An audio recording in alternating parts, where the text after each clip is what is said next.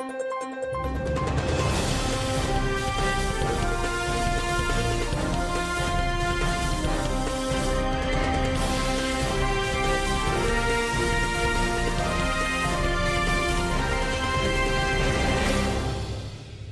မျိုးသားညီညွတ်ရေးအစိုးရ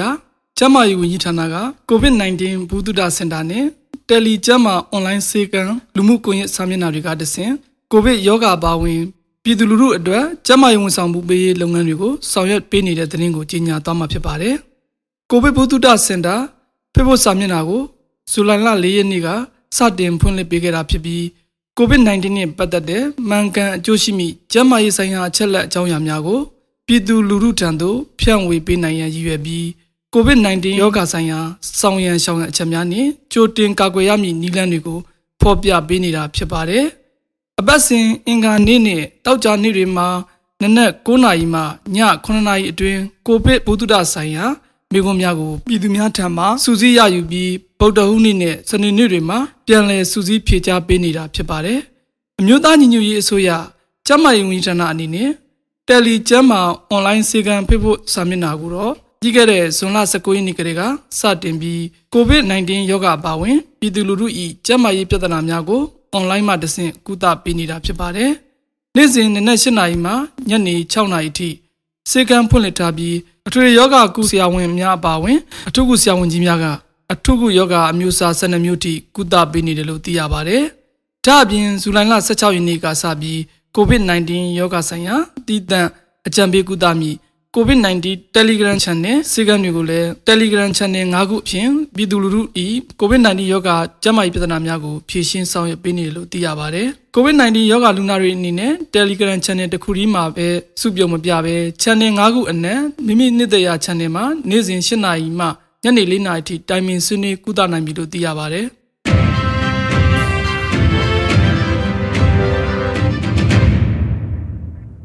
ဆက်လက်ပြီး ကျောင်းသားလှူရှာမှုတမိုင်းမှာအထင်ကြီးပုဂ္ဂိုလ်တဦးဖြစ်တဲ့ဘာကတာကောင်းဆောင်ဟောင်းဦးလရွှေကိုလွန်သွားတဲ့သတင်းကိုတင်ဆက်ပေးသွားမှာဖြစ်ပါတယ်။ကျောင်းသားလှူရှာမှုတမိုင်းမှာအထင်ကြီးပုဂ္ဂိုလ်တဦးဖြစ်တဲ့ဘာကတာကျောင်းသားကောင်းဆောင်ဟောင်းဦးလရွှေဟာမနေ့ကကြာသာပတိနေ့ည9:18မိနစ်အချိန်မှာကွယ်လွန်ခဲ့ပြီလို့သိရပါတယ်။ ဦးလရွှေဟာကွယ်လွန်ချိန်မှာအသက်85နှစ်အရွယ်ရှိပြီဖြစ်ပါတယ်။ကိုဗစ်လက္ခဏာကိုယူဆရတဲ့ဖျားနာမှုနဲ့အောက်ဆီဂျင်ပြတ်သွားပြီးတဲ့နောက်ကွယ်လွန်သွားတာဖြစ်ကြောင်းတမိဖြစ်သူမက်နေကြီးကပြောဆိုခဲ့တယ်လို့ BOE သတင်းမှာဖော်ပြထားတာတွေ့ရပါတယ်။ဦးလရွှေဟာ1962ခုနှစ်ဗမာနိုင်ငံလုံးဆိုင်ရာចောင်းသားသမဂ္ဂများအဖွဲ့ချုပ်ဘာကတာရဲ့အတွင်းမှုအဖြစ်တာဝန်ယူဆောင်ရွက်ခဲ့ပြီး7ဇူလိုင်လို့လူသိများတဲ့ចောင်းသားသမဂ္ဂအဆောက်အုံကိုအာနာသိန်းကောင်းဆောင်ဘုံနေဝင်းရဲ့တော်လှန်ရေးကောင်စီက ဘုံခွဲဖြိုချခဲ့တဲ့လုပ်ရက်ကိုရှေ့တန်းမှဥဆောင်တော်လှန်ခဲ့သူဖြစ်ပါတယ်။အာနာရှင်စန့်ကျင်ရေးအတွက်နိုင်ငံရေးကိုဒီဇိုင်းမမတ်လှုပ်လာခဲ့တဲ့ဦးလာရှိဟာအကြိမ်ကြိမ်ဖမ်းဆီးထောင်ချခံခဲ့ရသူလည်းဖြစ်ပြီးအောင်သာပြည်သုံးလုံးဆိုတဲ့ကလောင်အမီနဲ့စာရေးသားနေတဲ့စာရေးဆရာတဦးလည်းဖြစ်ပါတယ်။ဦးလာရှိရဲ့ရုပ်အလောင်းကိုဇူလိုင်လ16ရက်နေ့တောက်ကြနေ့ဒီကနေ့မှာမိသင်းကြိုဖို့ရထားပြီမယ်။ရန်ကုန်မြို့မှာကိုဗစ်ကြောင့် တည်ဆုံးသူများပြားနေတဲ့ကာလဖြစ်နေလို့ရေဝေးဒါမှမဟုတ်ထိန်မင်ဘယ်သိန်းချိုင်းမှာမိသိန်းကြိုခွင့်ရမလဲဆိုတဲ့အာနာပိုင်တွေရဲ့ခွင့်ပြုချက်ကိုစောင့်ဆိုင်းနေရဆဲဖြစ်ကြောင်းတမီးဖြစ်သူမန်နေဂျီကပြောပြတယ်လို့ VOA သတင်းမှာဖော်ပြထားတာတွေ့ရပါတယ်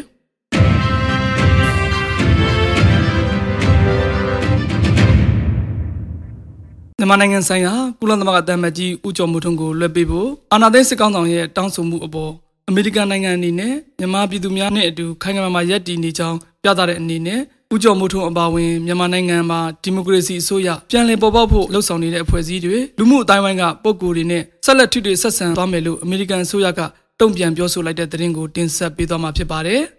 ကုလသမဂ္ဂဆိုင်ရာမြန်မာအမြဲတမ်းကိုယ်စားလှယ်ဦးကျော်မိုးထွန်းကိုမြန်မာစစ်တပ်ကတရားစွဲဆိုနေမဟုတ်ဘဲမြန်မာပြည်ပြန်ပို့ဖို့တောင်းဆိုနေတာကိုကြည့်ရင်မြန်မာနိုင်ငံမှာအကြမ်းဖက်မှုတွေရပ်ဆိုင်းဖို့တာမကဒီမိုကရေစီပြန်လည်ထွန်းကားအောင်လုပ်ဖို့ဘလောက်အရေးကြီးတယ်ဆိုတာကိုပါမိမောင်းထုတ်ပြနေတယ်လို့အမေရိကန်နိုင်ငံသားရေးဌာနကပြောခွင့်ရကကြာသပတေးနေ့မှာပြောဆိုလိုက်ပါတယ်။ဒါ့အပြင်မြန်မာစစ်တပ်အနေနဲ့အကြမ်းဖက်မှုတွေကိုမြန်ဆန်ထိရောက်စွာအဆုံးသတ်ဖို့နဲ့ပြည်သူတွေရဲ့ဆန္ဒကိုလေးစားဖို့လည်းအမေရိကန်ကတိုက်တွန်းခဲ့တာတွေ့ရပါတယ်။ ဦးကျော်မိုးထွန်းကိုကုလသမဂ္ဂမှာမြန်မာကိုယ်စားလှယ်အဖြစ်အသိမှတ်မပြုဖို့နဲ့သူ့အပေါ်ဆွဲဆိုထားတဲ့အမှုတွေအတွက်တရားရင်ဆိုင်ဖို့မြန်မာနိုင်ငံဘက်လွှဲပြောင်းပေးရေးအတွက်အမေရိကန်အစိုးရကိုမြန်မာစစ်ကောင်စီကတောင်းဆိုထားတာနဲ့ပတ်သက်ပြီးအမေရိကန်ရဲ့သဘောထားကိုသိနိုင်ဖို့ VOA မြန်မာပိုင်းကမေးမြန်းရမှာ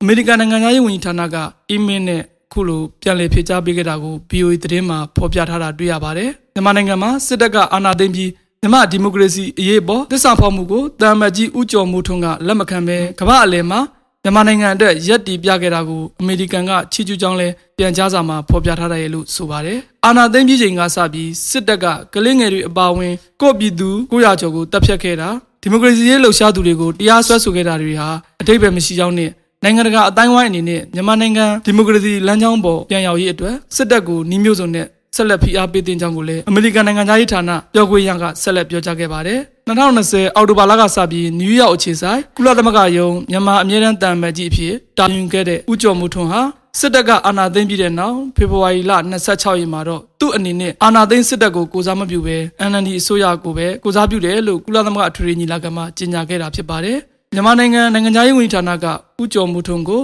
ဖေဖော်ဝါရီလ29ရက်နေ့ကတည်းကယာရုမှထုတ်ပယ်ပြီး နိုင်ငံတော်သစ္စာဖောက်ဖျက်ပုံကံမှုမတရားအသင်းကြေညာထားတဲ့ပြည်ထောင်စုလွှတ်တော်ကုစားပြုကော်မတီ CRPA အမျိုးသားညီညွတ်ရေးအစိုးရ NUG နဲ့တခြားအကြမ်းဖက်အဖွဲ့အစည်းတွေရဲ့လမ်းညွှန်ချက်တွေက